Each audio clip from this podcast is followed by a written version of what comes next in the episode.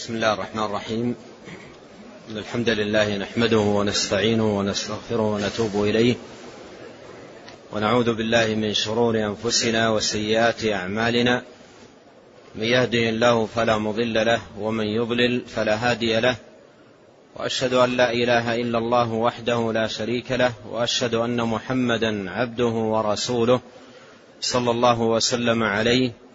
وعلى آله وأصحابه أجمعين. نعم. الحمد لله رب العالمين والصلاة والسلام على أشرف الأنبياء والمرسلين نبينا محمد عليه أفضل الصلاة وأتم التسليم. قال شيخ الإسلام الإمام الأواب محمد بن عبد الوهاب رحمه الله تعالى وغفر له وللشارح والسامعين. قال الثلاثون وهي من عجائب آيات الله أنهم لما تركوا وصية الله بالاجتماع وارتكبوا ما نهى الله عنه من الافتراق صار كل حزب بما لديهم فرحون. كل حزب بما لديهم فرحين. فرحين. قال رحمه الله تعالى المسألة الثلاثون أي من مسائل الجاهلية التي جاء الإسلام بمخالفتها وإبطالها وبيان فساد ما عليه أهلها. قال وهي من عجائب الله لأنه أمر عجيب من حال أهل الجاهلية يبين التناقض الذي هم عليه. والاضطراب الذي يعيشونه والمآلات السيئة التي يبوؤون بها جراء جاهليتهم الجهلاء وضلالتهم العمياء.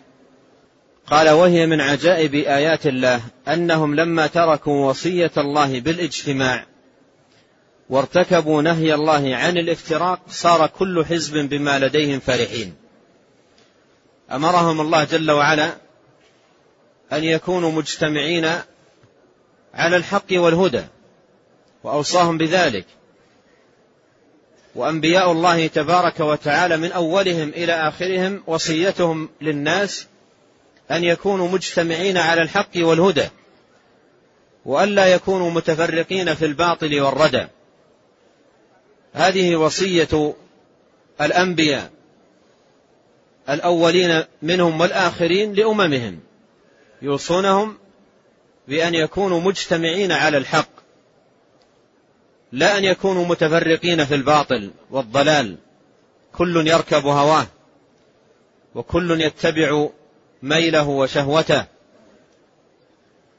بل الواجب على الناس أن يجتمعوا على الحق. والاجتماع لا يمكن أن يكون على الأهواء لأن الأهواء مختلفة. ولا يكون على الآراء لأن الآراء متباينة. ولا يكون أيضا على الشهوات. الشهوات لا حد لها. لا يمكن أن يكون اجتماع إلا على الحق. ولهذا قال جل وعلا واعتصموا بحبل الله جميعا ولا تفرقوا. لا يمكن أن يكون اعتصام إلا بحبل الله وهو دينه وشرعه الذي خلق تبارك وتعالى الخلق لأجله وأوجدهم لتحقيقه. شرع لكم من الدين ما وصى به نوحا والذي أوحينا إليك وما وصينا به إبراهيم وموسى وعيسى أن أقيموا الدين ولا تتفرقوا فيه. هذه وصية الله عز وجل لأنبيائه ورسله وهي وصية الأنبياء لأممهم. فكل نبي بعثه الله تبارك وتعالى يوصي أمته ويأمرهم أن يجتمعوا على الحق الذي هو دين الله عز وجل وشرعه ويحذرونهم من التفرق في الأهواء والضلالات والباطل. يقول الشيخ رحمه الله من عجيب من ترك هذه الوصية من عجيب أمر من ترك هذه الوصية العظيمة وهي الوصية بالاجتماع على الحق وترك التفرق على الباطل من عجيب أمر هؤلاء أن أن كل حزب منهم صار صار فرحا بما عنده. وهذا غاية العجب. كل حزب فرح بما عنده. وهم أحزاب ليسوا بالعشرات بل بالمئات. والحق واحد. الأهواء المتباينة والآراء المختلفة والآراء المتضاربة والتضاد الذي يعيشونه بل يكفر بعضهم بعضا ويضلل بعضهم بعضا وكل واحد من هؤلاء المختلفين فرح بما عنده. وهذه هذه غاية العجب. كل واحد منهم فرح بما عنده. وحالهم أن أمرهم متقطع وتقطعوا أمرهم بينهم. أمرهم متقطع. أحد مشرق وآخر مغرب. آراء متباينة. عقول متضادة. أهواء مختلفة. وكل واحد من هؤلاء فرح بما عنده. فهذه فهذه من من العجائب التي يعيشها هؤلاء أهل الجاهلية تركوا الحق والاعتصام به ولزومه وتفرقوا في الباطل ومع تفرقهم في الباطل وهذا موطن العجب كل حزب فرح بما عنده والذي عنده ضلال وباطل. يفرح بماذا؟ يفرح بضلاله بفساد عقله بانحراف فكره بولوجه في الباطل من أوسع أبوابه. من كانت هذه حاله واجبه الندم والعودة إلى الحق. لكن عجيب أمر هؤلاء أو من عجيب أمر هؤلاء أنهم على ما هم عليه من باطل وضلال وتفرق فرح كل منهم بما عنده مغتبط به. نعم. قال الحادية والثلاثون وهي من أعجب الآيات أيضا. معاداتهم الدين الذي انتسبوا إليه غاية العداوة ومحبتهم دين الكفار الذين عادوهم وعادوا نبيهم وفئتهم غاية المحبة. كما فعلوا مع النبي صلى الله عليه وسلم لما أتاهم بدين موسى عليه السلام واتبعوا كتب السحر وهي من دين آل فرعون. ثم ذكر رحمه الله تعالى هذه المسألة الحادية والثلاثين وهي من أعجب الآيات أيضا. ينبه رحمه الله تعالى على عجيب هذه الآية وهذا الأمر من حال أهل الجاهلية. قال معاداتهم الدين الذي انتسبوا إليه غاية العداوة. لو أخذنا مثال بنو إسرائيل قوم موسى عليه السلام ينتسبون إلى موسى. ينتسبون إلى موسى عليه السلام. ولو قيل ما دينكم قالوا ديننا ديننا دين موسى. لا يقولون ديننا دين فرعون بل يرون أن فرعون عدوا لهم وعدوا لموسى. فيقولون ديننا دين موسى. وإذا قيل أنتم أتباع من؟ قالوا نحن أتباع موسى. ولو قيل لهم هل أنتم أتباع فرعون؟ قالوا لا ويغضبون لو نسبوا هذه النسبة. هذا من حيث الانتساب. لكن انظر إلى واقعهم. واقع اليهود والديانة التي هم عليها. هل هي ديانة موسى أم ديانة فرعون؟ هنا يتبين لك التناقض الذي يعيشه هؤلاء. من حيث الانتساب ينتسب إلى نبي من أنبياء الله.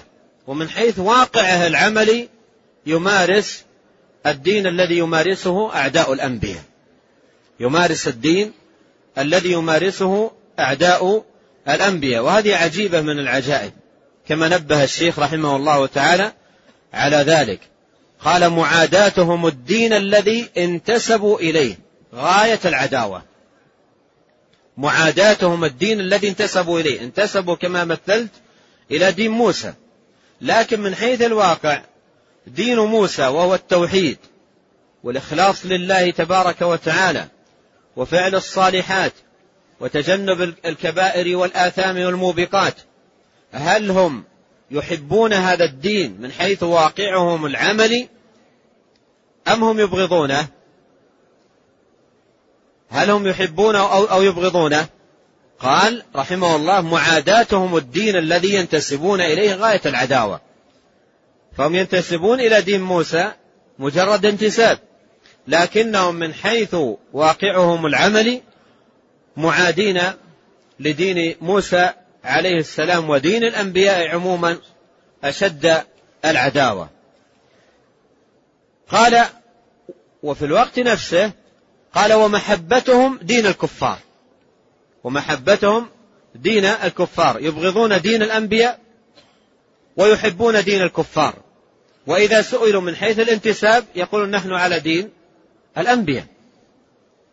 لكن من حيث الواقع يبغضون دين الأنبياء وهو التوحيد والإخلاص لله تبارك وتعالى واتباع أمره ويحبون دين الكفار ويميلون إليه ويطبقونه في واقعهم العملي. قال ومحبتهم دين الكفار الذين عادوهم وعادوا نبيهم وفئتهم غاية المحبة. أي يحبون دين الكفار غاية المحبة. يحبون دين أعدائهم وأعداء أنبيائهم غاية المحبة ويميلون إليه ويبغضون دين الأنبياء. كما فعلوا مع النبي صلى الله عليه وسلم. هذا مثال توضيحي يذكره الشيخ رحمه الله. قال كما فعلوا مع النبي صلى الله عليه وسلم لما أتاهم بدين موسى عليه السلام. لما أتاهم بدين موسى عليه السلام. واتبعوا كتب السحر وهي من دين فرعون. لاحظت العجيبة من حال هؤلاء؟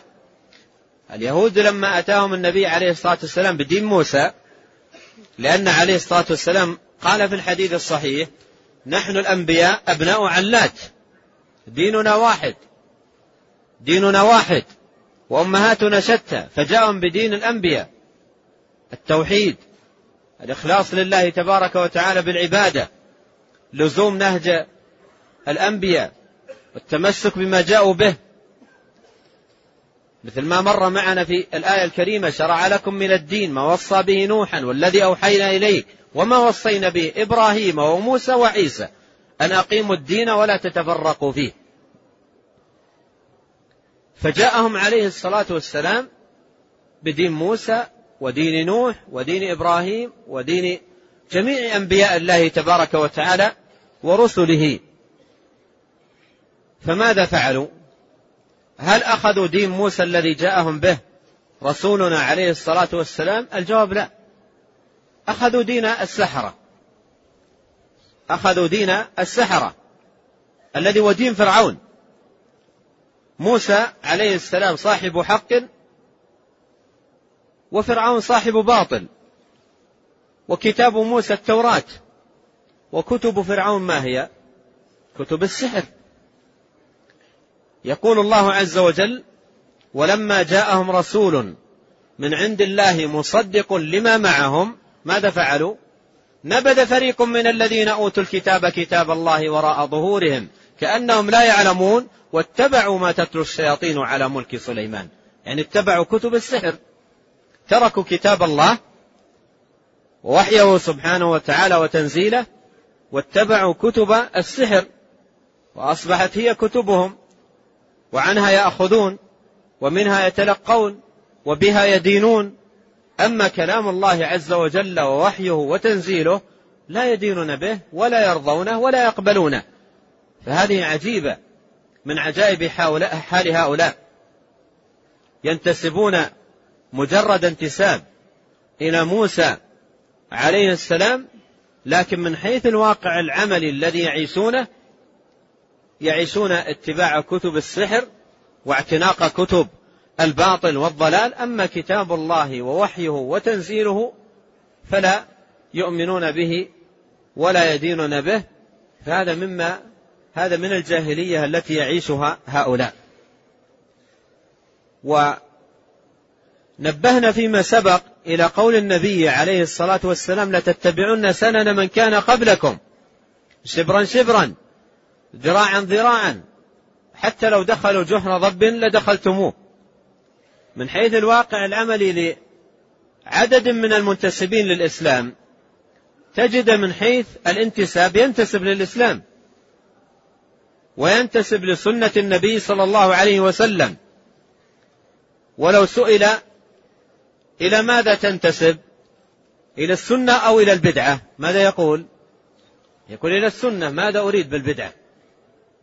أنتسب إلى السنة. لكن إذا نظرت إلى واقع العملي يعيش بدع ويمارس بدع ليس عنده عليها دليل لا من القرآن ولا من السنة. ثم يقول أنا صاحب سنة. ولو قيل ولو قيل له أنت هل أنت صاحب بدعة؟ يغضب. يقول لا.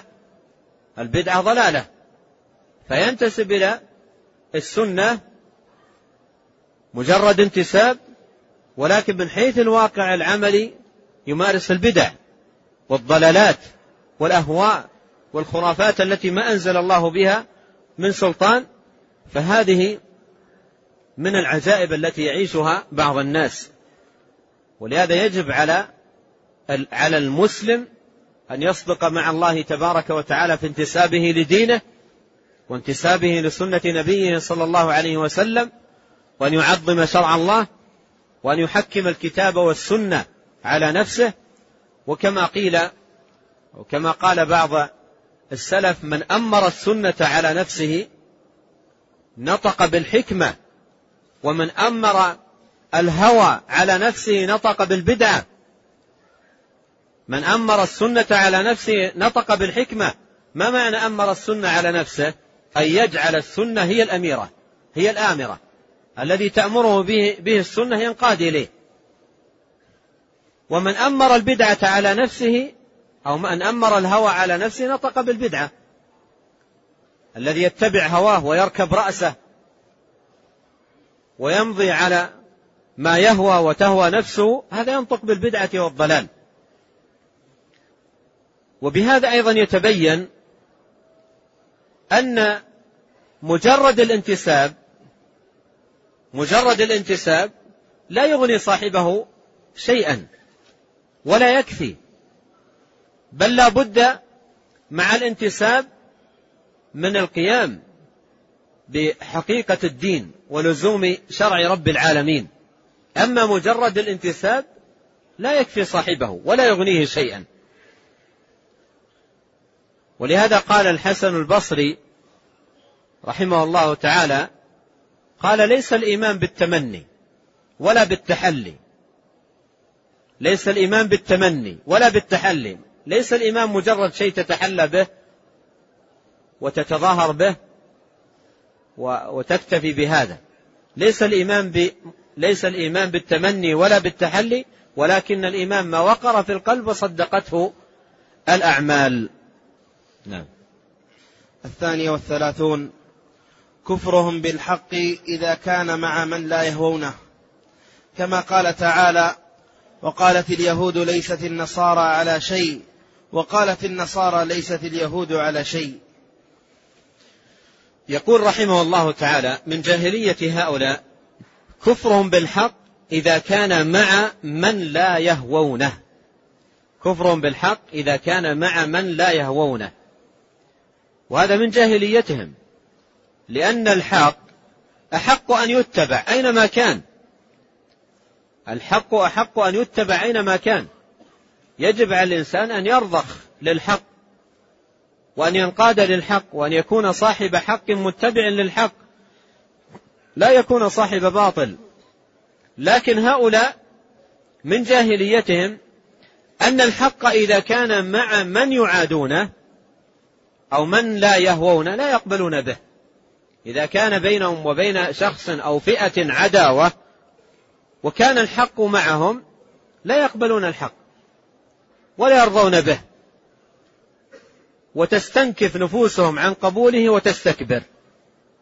ويقولون كيف نأخذ بهذا الحق وهو عند فلان من الناس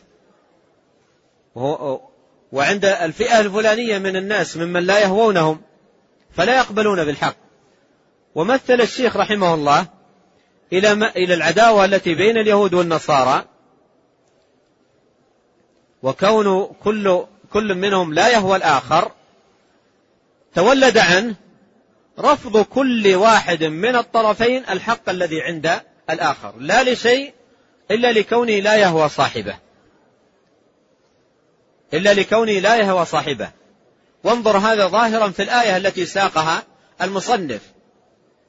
قال وقالت اليهود ليست النصارى على شيء. وقالت النصارى ليست اليهود على شيء. وقالت وقالت وقالت اليهود ليست النصارى على شيء. وقالت النصارى ليست اليهود على شيء. كل فئة منهما جحدت الحق الذي عند الأخرى وأبطلته وادعت أنه ليس بشيء. لكونها ماذا؟ هل لكونها درست هذا ومحصته وميزته وتبين لهم أنه أنهم ليسوا على شيء أبدا وإنما لكونهم لا يهوونهم ولكونهم يبغضونهم ويعادونهم فبنوا على ذلك الحكم على كل ما عندهم بالضلال والباطل. قال وهم يتلون الكتاب.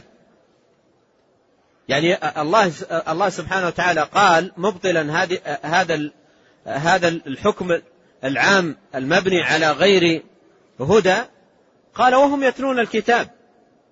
وهذا فيه تنبيه. أن التقويم وتمييز الحق من الباطل لا يبنى على ماذا؟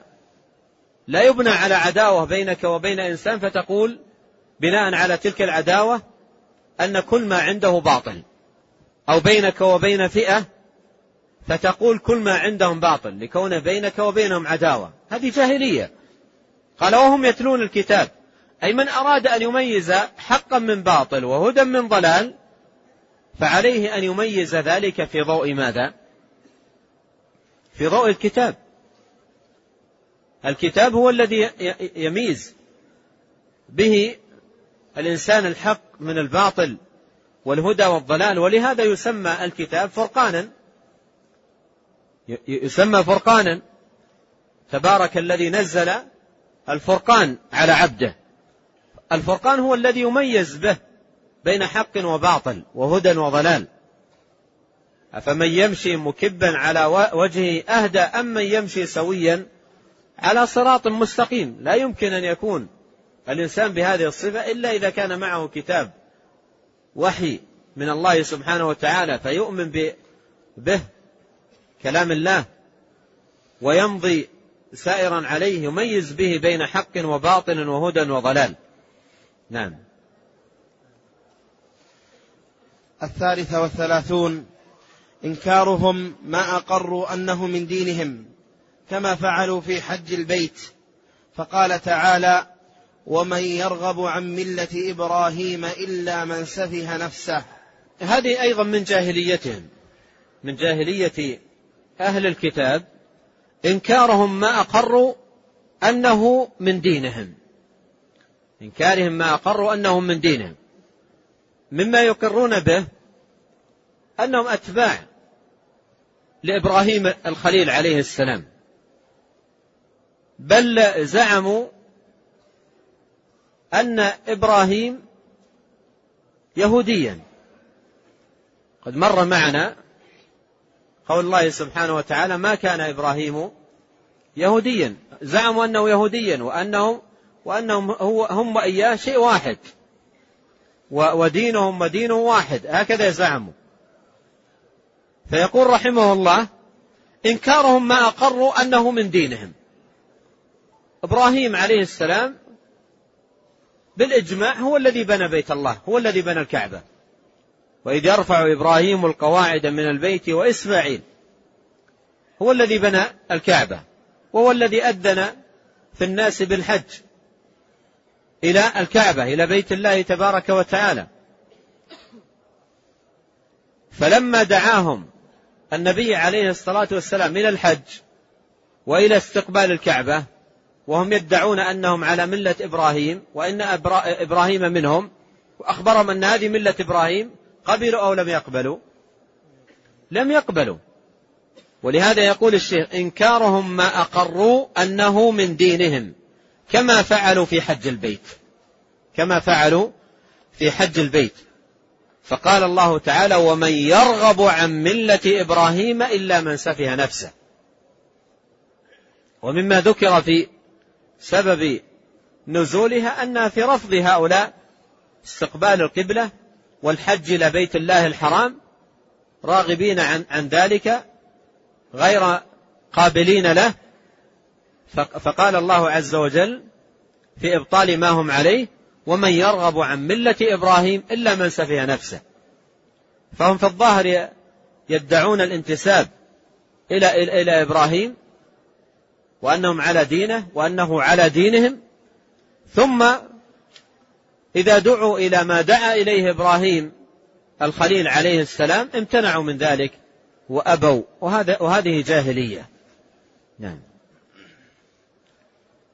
الرابعة والثلاثون أن كل فرقة تدعي أنها الناجية. فكذبهم الله بقوله قل هاتوا برهانكم إن كنتم صادقين. ثم بين الصواب بقوله بلى من أسلم وجهه لله وهو محسن. ثم ذكر المسألة الرابعة المسألة الرابعة والثلاثين. أن كل فرقة تدعي أنها الناجية أي الناجية من عذاب الله وسخطه وناره التي أعدها لأعدائه وللكفار. فكل فرقة تدعي أنها الناجية وأن النجاة من نصيبهم وأنهم هم الذين سيدخلون الجنة يوم القيامة. وقالت يعني ادعى هؤلاء وقالوا لن يدخل الجنة إلا من كان هودا أو نصارى. وقالوا لن يدخل الجنة إلا من كان هودا أو نصارى. أيضا قالوا كما في آية أخرى وقالوا نحن أبناء الله وأحباؤه. وما أرخص الدعاوى على الألسنة؟ ما أرخص الدعاوى على الألسنة. من السهل على كل لسان أن يدعي مثل هذه الدعاوى وأن ينطقها بلسانه ويقول أنا الناجي وأنا أنا أنا من أهل الجنة وأنا لن أدخل النار وأنا حبيب إلى الله وأنا يحبني الله. هذه كلمات سهلة أن تقال على على اللسان. فالشيخ رحمه الله يقول من جاهلية هؤلاء أن كل فرقة تدعي أنها الناجية. أن كل فرقة تدعي أنها هي الناجية فأكذبهم الله في هذه الدعوة. بماذا أكذبهم؟ وقف هنا متأملا. بماذا أكذبهم؟ قال هاتوا برهانكم إن كنتم صادقين. الدعوة لا تكفي. الذي يدعي لنفسه الناجي أنه ناجي فليأتي بالبرهان. هاتوا برهانكم على النجاة. ولهذا في آية أخرى جعل الله سبحانه وتعالى علامة النجاة. ماذا؟ لزوم الحق واتباع النبي صلى الله عليه وسلم. قل إن كنتم تحبون الله فاتبعوني يحببكم الله ويغفر لكم ذنوبه. هذا هو البرهان. أما مجرد الدعوة لا تكفي ولا ولا تغني صاحبها شيئا. قال هاتوا برهانكم. ثم ذكر تبارك وتعالى البرهان.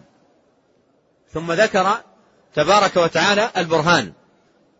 قال الشيخ رحمه الله ثم بين الصواب بقوله بلى من أسلم وجهه لله وهو محسن. هذا هو البرهان. بلى من أسلم وجهه لله وهو محسن. من كان بهذه الصفة تكون له النجاة. أما مجرد ادعاء نحن أبناء الله وأحباؤه أو لن يدخل الجنة إلا نحن ولن ندخل النار أو نحو ذلك الكلام هذا كله لا يجزي ولا يغني صاحبه شيئا. هاتوا برهانكم. وذكر تبارك وتعالى البرهان قال بلى من أسلم وجهه لله وهو محسن. وقوله أسلم وجهه لله وهو محسن جمع بين شرطي قبول الأعمال. وهما الإخلاص للمعبود بإسلام الوجه له وحده والمتابعة للرسول وذلك بالإحسان العمل والاتباع لما جاءت به رسل الله عليهم صلوات الله وسلامه. هذا هو البرهان الصادق. بلى من أسلم وجهه لله وهو محسن نظير ما جاء في هذه الآية تماما ما ورد في السنة. قال عليه الصلاة والسلام ستفترق هذه الأمة على ثلاث قال افترقت اليهود على إحدى وسبعين فرقة افترقت النصارى على اثنتين وسبعين فرقة وستفترق هذه الأمة على ثلاث وسبعين فرقة. كلها في النار إلا واحدة. قالوا من هم؟ قال من كان على مثل ما أنا عليه اليوم وأصحابي. قوله على من كان على مثل ما أنا عليه اليوم وأصحابي مثل ما جاء في الآية بلى من أسلم وجهه الله وهو محسن. لأن الذي كان عليه صلى الله عليه وسلم هو أصحابه هو إسلام الوجه لله وإحسان العبادة والإتيان بها كما شرع الله. ولهذا قال في الحديث على من كان على مثل ما أنا اليوم عليه وأصحابي. أي من كان كذلك كان من أهل النجاة. أما مجرد الدعوة فالدعوة لا تغني صاحبها شيئا ولا تغنيه ولا ولا ولا تجدي. فإذا هاتوا برهانكم. البرهان هو إسلام الوجه لله والإحسان في عبادة الله تبارك وتعالى كما شرع عز وجل وأمر عباده بذلك. نعم. قال الخامسة والثلاثون التعبد بكشف العورات كقوله وإذا فعل وإذا فعلوا فاحشة قالوا وجدنا عليها آباءنا. آباء وإذا فعلوا فاحشة قالوا وجدنا عليها آباء نعم. آباءنا نعم. نعم. وإذا فعلوا فاحشة قالوا وجدنا عليها آباءنا. والله أمرنا بها. قال الخامسة والثلاثون التعبد بكشف العورات. والعياذ بالله. أي من جاهلية هؤلاء أنهم اتخذوا كشف العورات عبادة يتعبدون بها. وهذا أمر كان يمارسه المشركون في الجاهلية. كان المشركون يمارسونه في الجاهلية. وكانوا يطوفون بالبيت بيت الله عز وجل عراة بعضهم حتى عورته المغلظة ليست مستورة. عند بيت الله الحرام. وكانوا يفدون إلى مكة للحج من الأنحاء المختلفة. وإذا وصلوا إلى مكة تجردوا من ثيابهم قبل دخولها. تجردوا من ثيابهم قبل دخولها. وقالوا لا. يقولون لا نطوف ببيت الله بثياب أذنبنا فيها. لا, لا نطوف ببيت الله عز وجل بثياب أذنبنا فيها فيجردون أنفسهم من الملابس رجالا ونساء ويدخلون مكة عراة.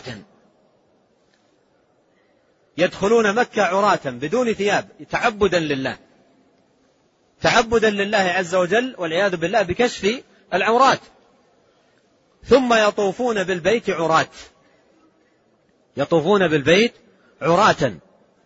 وبعضهم يطلب من من الحمص من قريش يطلب من أن يعيره ثوبا ثوبا طاهرا يطوف به حتى إنهم في طلبهم يقول يقول يقول الرجل للرجل والمرأة للمرأة أعطني تطوافا يعني ثوبا أطوف به.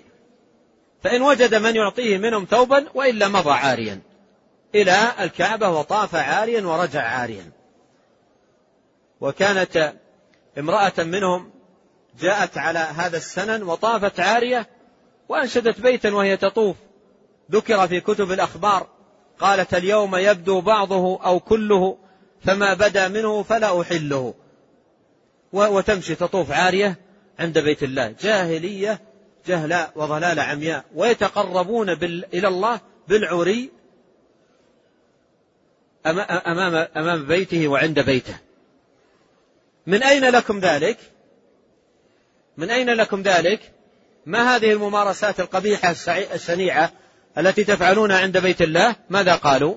وإذا فعلوا فاحشة قالوا وجدنا عليها آباءنا والله أمرنا بها لا إله إلا الله احتجوا بماذا بأمرين على هذا التعري وهذا الفحش وهذه القبائح والشنائع احتجوا عليها بأمرين قالوا وجدنا عليها آباءنا ولدنا هكذا. آباؤنا يمارسون هذه الممارسات. طيب إذا كان أبوك لا يعقل إذا كان أبوك لا يعقل تمضي على على ما, ما, ما, ما هو عليه من فساد العقل وفساد الرأي والانحراف. تقليد أعمى. وجدنا عليها آباءنا, آباءنا. الأمر الثاني وهو أفحش وأعظم وأشنع. قال والله أمرنا بها. والله عز وجل لا يأمر بالفحشاء. يأمر تبارك وتعالى بالزينة. يا بني آدم خذوا زينتكم عند كل مسجد. ليس فقط تلبس بل خذ زينتك. وتزين بأجمل ما يكون عندك من ثياب. تلبسها مستعدا لصلاتك متهيئا لعبادتك وطاعتك لله تبارك وتعالى. فمن جاهلية هؤلاء التعبد لله تبارك وتعالى بالعري. وهذه الجاهلية هذه الجاهلية التي كان عليها كان عليها المشركون أيضا وجدت. وجد لها نظائر عند أهل الطرائق الباطلة. حتى إن عند بعض الطرقية من أهل الضلال يقولون لا يبلغ لا يبلغ المريد مبلغه ورتبته العالية في الطريقة إلا إذا تجرد عند شيخه. إلا إذا, إلا إذا تجرد عند شيخه. ويعدون التجرد نوعا من التقرب أو نوعا من من أبواب التوبة التي يتقربون بها إلى الله ويتعبدون لله تبارك وتعالى بها. فهذه جاهلية جهلاء كان عليها أهل الشرك والباطل. والله سبحانه وتعالى حمى أمة الإسلام ومن عليهم بالإسلام الذي فيه هدايتهم للتي أقوم وفيه صلاحهم وفلاحهم وسعادتهم في الدنيا والآخرة. ولعلنا اليوم نكتفي بهذا القدر ونستعد للصلاة. صلاة الاستسقاء تقام بعد قليل. وأذكر بحديث عظيم ثابت عن نبينا عليه الصلاة والسلام نحتاج إليه هذا اليوم وكل يوم ألا وهو ما جاء عن عائشة رضي الله عنها أنها قالت ما أصبح رسول الله صلى الله عليه وسلم غداة يوم إلا استغفر الله مئة مرة. ما أصبح غداة يوم إلا استغفر الله مئة مرة. والله تعالى يقول فقلت استغفروا ربكم إنه كان غفارا يرسل السماء عليكم مدرارا ويمددكم بأموال وبنين ويجعل لكم جنات ويجعل لكم أنهارا.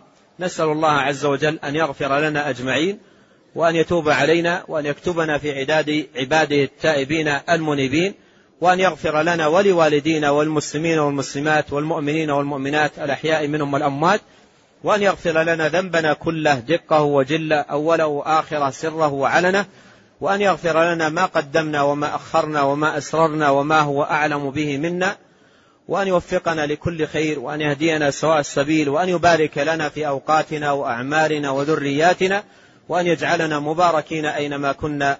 إنه تبارك وتعالى سميع مجيب قريب والله تعالى أعلم. وصلى الله وسلم وبارك وأنعم على عبد الله ورسوله نبينا محمد وآله وصحبه أجمعين